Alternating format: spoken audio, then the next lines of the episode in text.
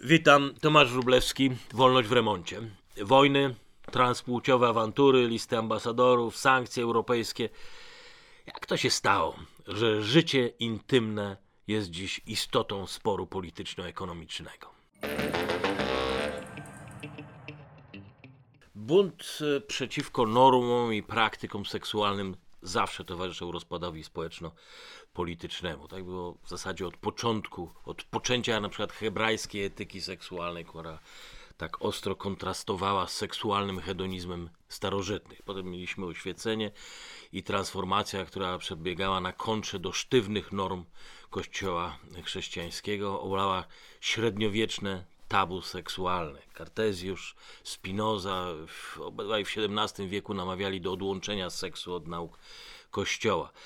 Dantien Marquis de Sade, jego 120 dni Sodomy, mieszał oświeconowe rozprawy filozoficzne z fantazjami erotycznymi. Jean-Jacques Rousseau, którego erotyczne dyskursy według e, Joela Schwarza, autora seksualnej polityki, tłumaczą wiele, wiele niekonsekwencji w wywodach o równości wolności. Samo pojęcie rewolucji seksualnej, tak na dobrą sprawę, pojawia się dopiero na początku XX wieku. E, marksista, psychoanalityk Otto Gross, który, jak zauważają autorzy takiego solidnego opracowania na temat rewolucji seksualnych, Gross uważał teorie Marksa i Freuda za nierozerwalne.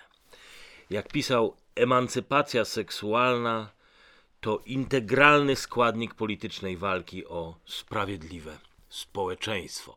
Tropem Grossa poszło potem wielu innych postmarksistowskich rewolucjonistów, wśród nich jeden z najważniejszych ideologów rewolty lat 60., Herbert Marcus y, i jego książka Eros i cywilizacja. To był ideowy drogowskaz dla dzieci kwiatów. Markus uważał, że frustracje seksualne czynią nas podatnymi na wyzysk i kapitalistyczną eksploatację. Antykapitalistyczna rewolucja, twierdził Markus, położy kres wyzyskowi i umożliwi erotyzację relacji społecznych, którą inny ideolog, anarchizujący biseksualista, komunista Daniel Gorien uważał, że należy tę erotyzację wykorzystać jako narzędzie promocji komunizmu. Przez cały XX wiek i nasz początek XXI wieku, bunt seksualny przeplata się z kolejnymi odsłonami postmarksistowskiej rebelii. Eksplozja seksualnej wolności lat 60. doczekała się mnóstwa najróżniejszych interpretacji, jakie były tego przyczyny. Od pigułki antykoncepcyjnej przez bunt pokolenia wychowanego przez surowych rodziców doświadczonych zarówno wojną, jak i wstrzemięźliwością Wielkiej Depresji, ale jest też demograficzno-ekonomiczna interpretacja tego buntu, e, która wychodzi ze zmieniającego się podejścia do prokreacji. Od czasów e, Marksa na Zachodzie umacniało się takie przekonanie, że religia to tak naprawdę tylko jest jakiś etap w rozwoju cywilizacji. Max Weber twierdził wręcz, że w miarę jak społeczeństwa będą się bogaciły, wiedza się będzie upowszechniała, religia w bogatych przynajmniej społeczeństwach będzie zanikała. Modernizacja po prostu miała oznaczać sekularyzację. No i faktycznie do końca lat 60. mogliśmy mieć takie wrażenie, że to się dzieje. Ale od początku lat 70. zaczęło się coś diametralnie zmieniać. To były lata recesji w latach 70., panika AIDS w latach 80. Wszystko to nagle zaczęło przynosić renesans wiary. Pamiętacie Państwo, milcząca większość Reagana, moralny kręgosłup Margaret Thatcher, odrodzenie instytucji małżeństwa i pierwszy raz, pierwszy raz od lat powolny wzrost urodzeń. Najlepiej to zresztą widać w Stanach Zjednoczonych. Potem przychodzi upadek postkomunistycznej Europy, wielki powrót Kościoła we wschodniej Europie, w Polsce, w Rosji, sławne wystąpienie ewangelisty George'a Busha, e, że wolność i demokracja zawitały w świecie nie mimo, ale dzięki rosnącemu znaczeniu wiary w życiu człowieka. Atak dużo później, atak 11 września 2001 roku na nowojorskie wieże nadał religii nowego politycznego znaczenia. Priorytety polityki zmieniły się w stronę konfrontacji islamu ze światem judeo-chrześcijańskim. Dwójka amerykańskich profesorów, e, Pippa Norris i Ronald Inglerhardt e, w takiej książce Świętość i świeckość obalają weberowską teorię, że wiara zanika wraz z rozwojem i wykształceniem. Jak piszą, społeczeństwa, w których życie jest zagrożone ubóstwem, kryzysem, chorobami i przedwczesną śmiercią, stają się równie religijne, co niegdyś wieki wcześniej. I tam też możemy spodziewać się ponownego wzrostu urodzeń. Renesans wiary i demografii widać na wykresach oczywiście dopiero po latach, po latach, po tym kryzysie. Zwykle, kiedy już świat wkracza w zupełnie nową epokę. I też tak gdzieś na początku 2007 roku obserwujemy nagły spadek więzi religijnych. Od 2007 roku na całym świecie spada liczba wiernych, zmienia się narracja na temat rodziny, kościoła, no i spada oczywiście też liczba urodzeń. To nigdy nie jest spowodowane jednym wyłącznym czynnikiem.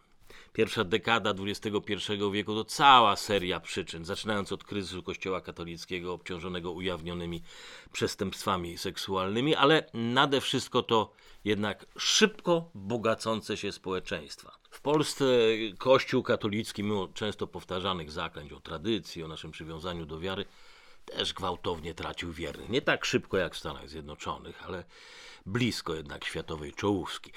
Oczywiście, ponieważ startowaliśmy z bardzo wysokiego poziomu, to wciąż byliśmy, jesteśmy uważani za kraj silnie katolicki.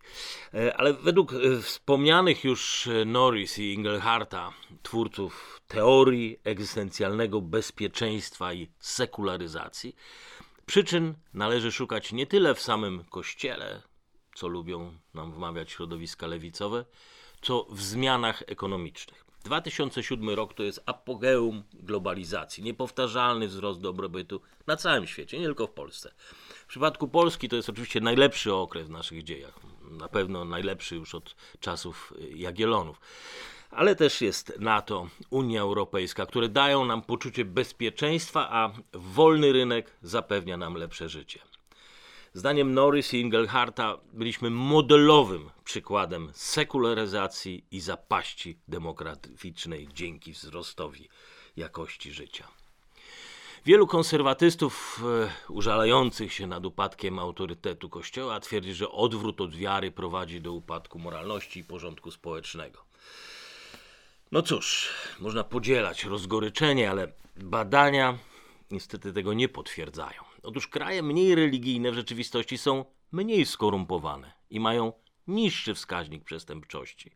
To w żadnym wypadku oczywiście nie oznacza, że to religia rodzi przestępczość i religia prowadzi do nędzy. Przeciwnie, religia po prostu jest ludziom bardziej potrzebna w biednych, skorumpowanych państwach. Bywa, że stanowi dla niektórych jedyne wsparcie duchowe w takim trudnym położeniu. Stąd na przykład mamy dzisiaj rozkwit wiary w tak bardzo skorumpowanej Rosji na Ukrainie. To jak to sobie wytłumaczyć? No, zwykle bogaceniu się społeczeństwa towarzyszy budowa silnych instytucji demokratycznych. To instytucje strzegą praworządności, przejrzystości prawa, nawet norm moralnych i wypełniają wiele potrzeb, jakie dotychczas w biednych państwach zapewniał Kościół. Nie zastępują Kościoła, ale w państwach, które przechodzą z nędz do zamożności, okazują się bardzo ważne i dla wielu osób są rozwiązaniem ich dotychczasowej niedoli. Oczywiście są rozmaite przyczyny, dlaczego ludzie porzucają wiarę, ale z badań wynika, że ludzie często racjonalizują sobie te decyzje. Podejmują je z zupełnie innych powodów. Mówią oczywiście o skandalach w kościele, mówią o głupim księdzu, ale jakoś dziwnie przyczyny niemal zawsze są skorelowane z poprawą statusu ekonomicznego. Tym bardziej zresztą, że obserwujemy, że w ramach jednego państwa, czy nawet kontynentu, jednocześnie porzucamy rozmaite kościoły, wszelkie wiary, nie tylko tą jedną naszą dotychczasową. Najmocniej sekularyzacja odbija się na wielkości rodzin, na stylu życia, no i oczywiście na rozrodczości. To nie znaczy, że kobiety mniej rodzą dzieci, bo przestały chodzić do kościoła. Odwrotnie. Kobiety raczej rodzą mniej dzieci, bo uznają, że już teraz dadzą sobie radę bez oparcia w dużej rodzinie. I to jest cały zestaw postaw, które Kościół tradycyjnie gwarantował, a które w zamożnym społeczeństwie przestają być krytyczne do zabezpieczenia sobie życia na starość. To jest y, troska o trwałość rodziny, ochrona roli matki, potępienie aborcji, antykoncepcja, rozwód, zdrady małżeńskie, wszystko to znamy.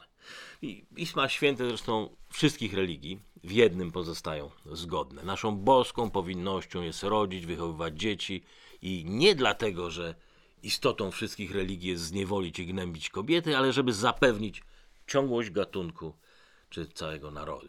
Nasze wierzenia kształtowane były setki, tysiące lat temu, kiedy wskaźniki urodzeń były wysokie, ale żywot człowieka był krótki. Kobiety przez całe stulecia rodziły po sześcioro, ośmioro dzieci. Problem w tym, że nieliczne dożywały do dorosłości, a te, co przeżyły, trzeba było z kolei wychować w szacunku do starszych, żeby potem opiekowały się rodzicami. Duża liczba potomstwa była koniecznością, a nie brakiem telefonu do lokalnej poradni feministycznej. Do 1700 roku populacja utrzymywała się na w miarę porównywalnym poziomie. Oczywiście korygowana była wojnami czy zarazami, ale dopiero rozwój technologii medycyny w epoce rewolucji przemysłowej spowodował eksplozję populacji. Im więcej niemowląt dożywało pełnoletności, tym mniej dzieci rodziły kobiety. To oczywiście nie dzieje się z dnia na dzień. Kobieta, której matka urodziła ośmioro dzieci, nie zmieni natychmiast swojego wyobrażenia o rodzinie. Też będzie miała niezłą gromadkę. Dopiero wnuczka, kolejne pokolenia będą już inaczej planowały swoją rodzinę. Jak pisze Paul Morland w książce Ludzka fala, proces transformacji od rodziny wielodzietnej do dwójki, czy nawet jednego dziecka trwa średnio jakieś 60 lat. Oczywiście przy założeniu, że po drodze nie pojawią się wstrząsy, fale głodu, kryzysy czy wojny. To wszystko zatrzymuje proces w miejscu. Wtedy ludzie znowu zwracają się ku Bogu, stają się bardziej rodzinni, a kobiety rodzą więcej dzieci. To jest cykliczny proces, tyle tylko, że cykl jest trudny do przewidzenia. Tak naprawdę nie znamy, nie znamy ani dnia, ani godziny kolejnego kataklizmu. Druga połowa XX wieku to jeden wielki globalny boom gospodarczy. Malejąca śmiertelność niemowląt i wydłużający się życie coraz bogatszych ich rodziców. No i to też był ten dramatyczny odwrót od tradycyjnej rodziny. Malało zapotrzebowanie na duchowe wsparcie Kościoła i malało zapotrzebowanie na jego moralne przykazania. Dane, które są gromadzone przez lata w ramach światowych badań wartości, pokazują taki naprawdę dramatyczny zwrot. E, od 1981 e, roku do 2007 roku rosną liberalne przekonania, które bynajmniej nie sprzyjają rozrodczości. Liczby jak zwykle dają trochę uproszczony obraz złożonej rzeczywistości, nie tłumaczą samego procesu, a już na pewno nie tłumaczą nam, jak wykorzystywane są potem do produkowania mitów politycznych. Ale e, od początku szczodrych systemów ubezpieczeń społecznych do 80. lat XX wieku każde kolejne pokolenie było liczniejsze od poprzedniego. Państwo nie miało wtedy problemu z finansowaniem emerytur, z finansowaniem służby zdrowia dla wszystkich, a mimo to gospodarka dalej rosła. I tak narodziła się teoria dobrobytu socjalnego. Przewrotna myśl progresywna, według której bogate uposażenia społeczne, gwarancje pracy, świadczenia emerytalne, zdrowotne, płatne wakacje, godne bezrobocie, wszystko to razem zapewnia szybszy wzrost gospodarczy. Na to nie ma żadnych dowodów. To wysoki poziom urynkowienia zachodniego świata zapewniał ten wzrost i przede wszystkim ta magiczna bańka demograficzna. Kobiety przestały rodzić dzieci, rodziny miały mniejsze koszty, a na rynku pracy wciąż była rekordowa liczba pracowników. To było pokolenie boomu powojennego. Budżet miał obfitość pieniędzy na finansowanie socjalnego państwa. Zapaść demograficzna to jest bardzo powolny proces. Tego nie widzimy z dnia na dzień. Trochę jak topniejący lodowiec.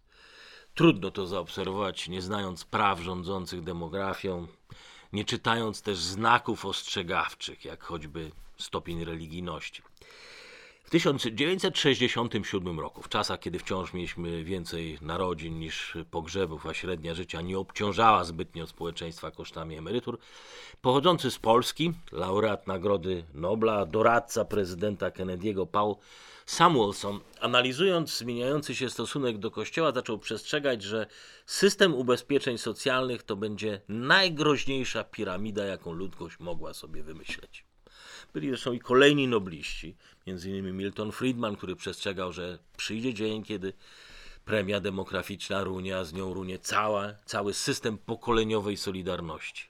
No i są całkiem już współcześni, nawet lewicujący ekonomiści jak Paul Krugman, też noblista, który w sekularyzacji i demografii od lat upatruje źródeł narastających kryzysów monetarnych.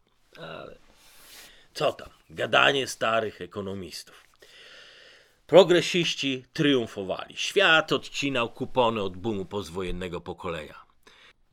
I teraz, to czy my to sobie nazwiemy socjalnym dekadentyzmem, jak pisał Samuelson, czy cywilizacyjnym zwycięstwem socjalnego dobrobytu, to może wydawać się, że to jest na pozór rzecz semantyki. Ale słowa mają tutaj znaczenie. Pociągają za sobą całe mnóstwo bardzo realnych problemów. Bo jeżeli wmówimy sobie, że ta bańka demograficzna to jest zasługa socjalistycznej polityki redystrybucji, to wszystko, co temu będzie tej bańce towarzyszyć później, będzie zwycięstwem cywilizacyjnym. Już dziś na każdego emeryta w Europie pracuje średnio trzy osoby. W Polsce do 2060 roku osoby czynne zawodowe to będzie 30% populacji, a emeryci ponad 40%. Żeby przywrócić dywidendę demograficzną, żeby powtórzyć manewr sprzed 40 lat, to każda kobieta powinna teraz zacząć rodzić średnio trójkę dzieci. Historia nie zna podobnych transformacji, przynajmniej nie w czasach, kiedy nie było wojen, głodu, kiedy mamy zdziesiątkowany kościół. A już na pewno nie zna przykładu, żeby nastąpił skok z obecnego poziomu 1,4 dziecka na kobietę. Jak zauważa Palmorland, kiedy dwoje dzieci staje się normą, to przywrócenie wskaźnika rozrodczości do 2,5 jest praktycznie niewykonalne. Kiedy jedno dziecko staje się normą, to za chwilę w przeważającej liczbie rodzin rodzi się jedno dziecko albo wcale. Robert Putnam, przywoływałem go we wcześniejszych podcastach przy okazji dyskusji o teorii kapitału społecznego. W książce Samotna gra w kręgle e, argumentuje, że proces sekularyzacji znacząco przyczynił się do erozji aktywizmu społecznego i wspólnoty, która stanowi bardzo, bardzo ważny komponent budowania społeczności, społeczności rodzin. Jak pisze, wspólnoty wyznaniowe są prawdopodobnie najważniejszym składnikiem kapitału społecznego. I Putnam zwraca też uwagę, że ten szok demograficzny jest zwykle tym większy, im silniejszy jest bunt przeciwko Kościołowi. No cóż, natura słucha ludzi. Kiedy kobiety nie chcą dłużej rodzić dzieci, a mężczyźni nie chcą być mężczyznami, to znajdzie nam inny naród, który będzie chciał zająć to miejsce. Nie wiem, czy to w formie wojny, grabieży, może stopniowej wymiany etnicznej, coś co już możemy obserwować w niektórych rejonach Francji czy na południu Włoch. Pytanie, czy to jest proces nieuchronny. No, myślę, że za wcześnie na definitywną odpowiedź, ale mamy problem. Od dobrych 60 lat sterczymy dokładnie w tym samym miejscu, w stanie tej samej mentalnej pułapki. Przychodzą do nas kolejne pokolenia. I kolejne pokolenia są święcie przekonane, że są wyjątkowe w swoim buncie przeciwko instytucjom Kościoła, przeciwko normom seksualnym. Ale jeżeli tak na dobrą sprawę się przyjrzymy, przyjrzymy temu transgresyjnemu protestowi seksualnemu, to cały czas jest to żerowanie na tej samej hedonistycznej bańce demograficznej. Akumulacja kapitału dwóch, no góra trzech pokoleń boomu demograficznego, które, gdzie kobiety przestały nagle rodzić dzieci, pozwoliła, pozwoliła na finansowanie tej frywolności ale bańka dawno prysła. Rezerwy się skończyły.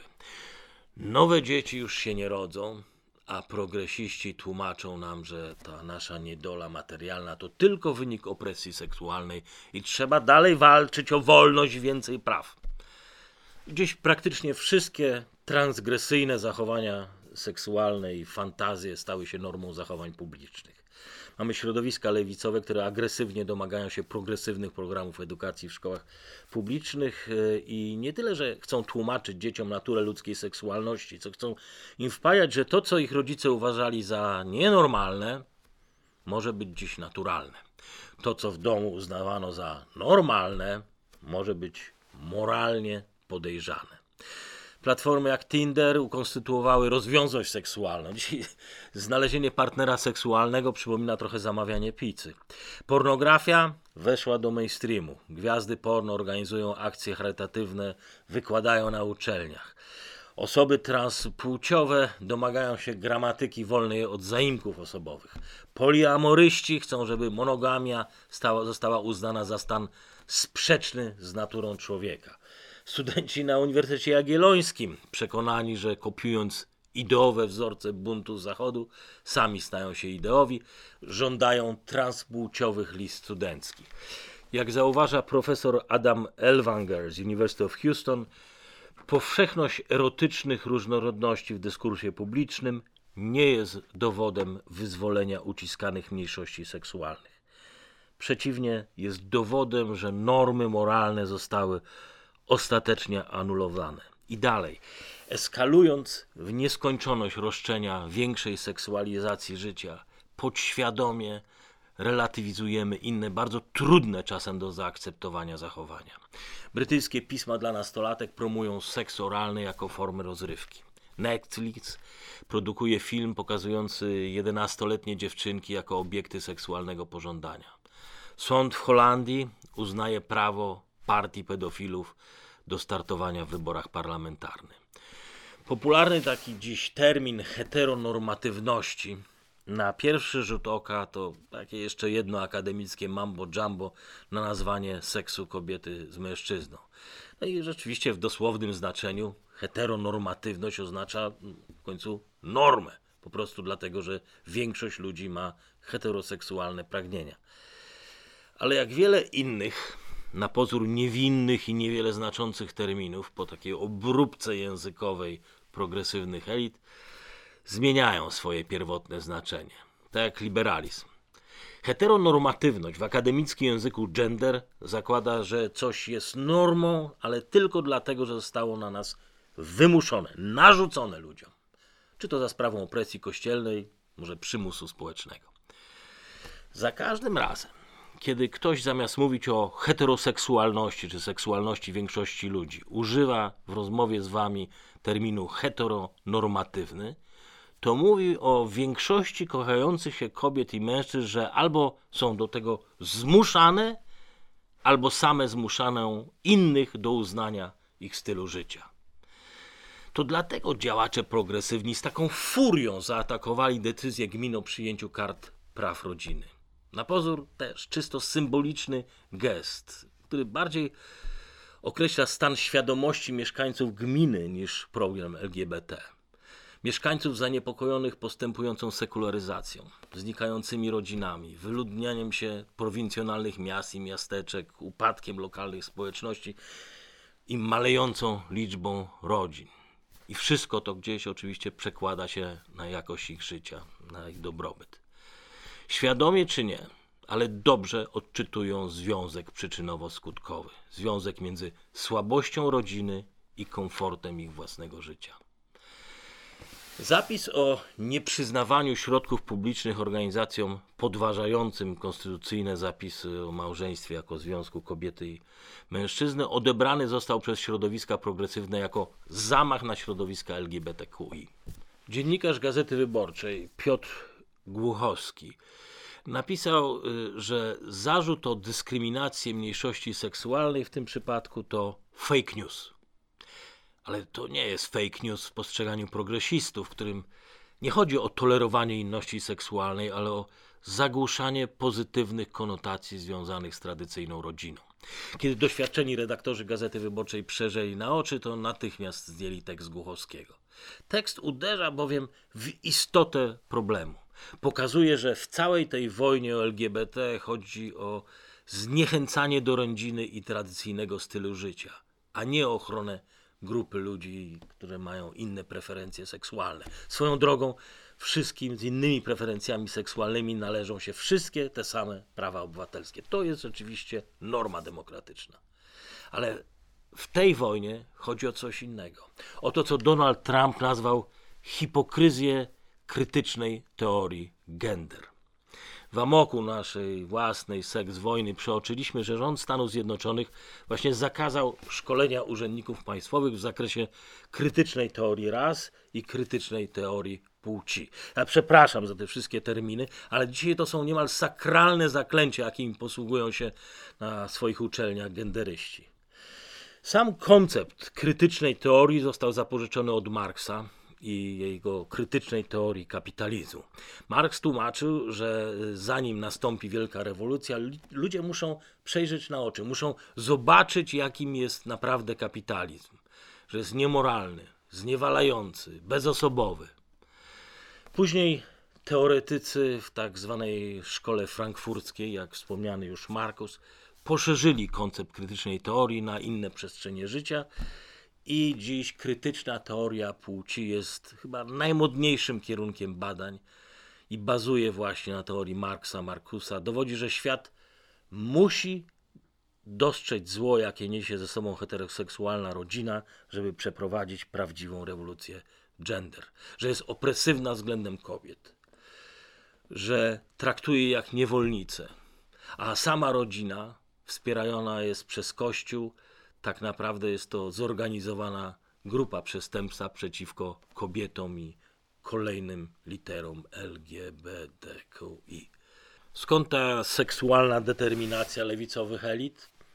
No, może to właśnie kwestia postmarksistowskiego przekonania, że podważenie norm seksualnych to jest najkrótsza droga do obalenia porządku społecznego i potem najszybsza droga do postawienia na jego gruzach lewicowej sprawiedliwości. Może.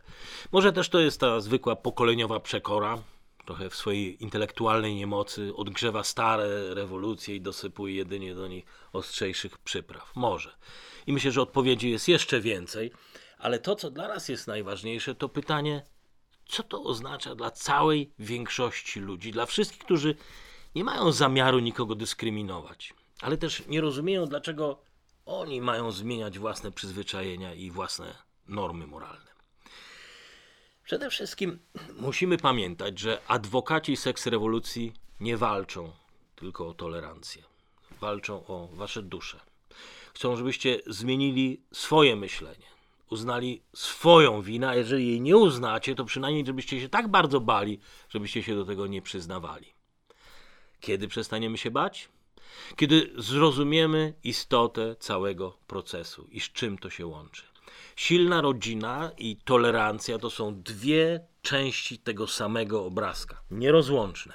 Tolerancja nie działa zawieszona w próżni potrzebuje zamożnego państwa, potrzebuje społeczeństwa, które ma tak silne poczucie bezpieczeństwa i dobrobytu, żeby stać się było na tolerowanie mniejszości. A siła zachodnich społeczeństw i naszej demokracji zależy dziś w większym stopniu od demografii niż od tego, jak szybko uda się rozmontować rodzinę. Rodzina to jest jedyna pewna rezerwa wzrostu dobrobytu. A bez dobrobytu nie może być wzrostu tolerancji. Nigdy w historii żadna cywilizacja nie zapewniła mniejszościom seksualnym tak szerokich swobód obywatelskich jak cywilizacja zachodnia, Ameryki, Europy Zachodniej.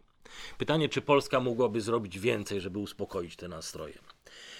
No cóż, wnosząc z wojen genderowych, jakie wciąż toczą Amerykę i Europę, nie istnieje granica praw, które ten konflikt mógłby uśmierzyć. W takim razie zadajmy sobie inne pytanie. Czy kiedykolwiek w naszej historii mniejszości seksualne cieszyły się porównywalnymi prawami co dziś? Bo może to powinna być miara coraz szerszego kompromisu bez, bez jednoczesnego unicestwiania własnego narodu. Zapraszam na kolejny odcinek Wolności w remoncie, w remoncie na kanale Warsaw Enterprise Institute, a w wersji audio w Spotify i w podcastach iTunes.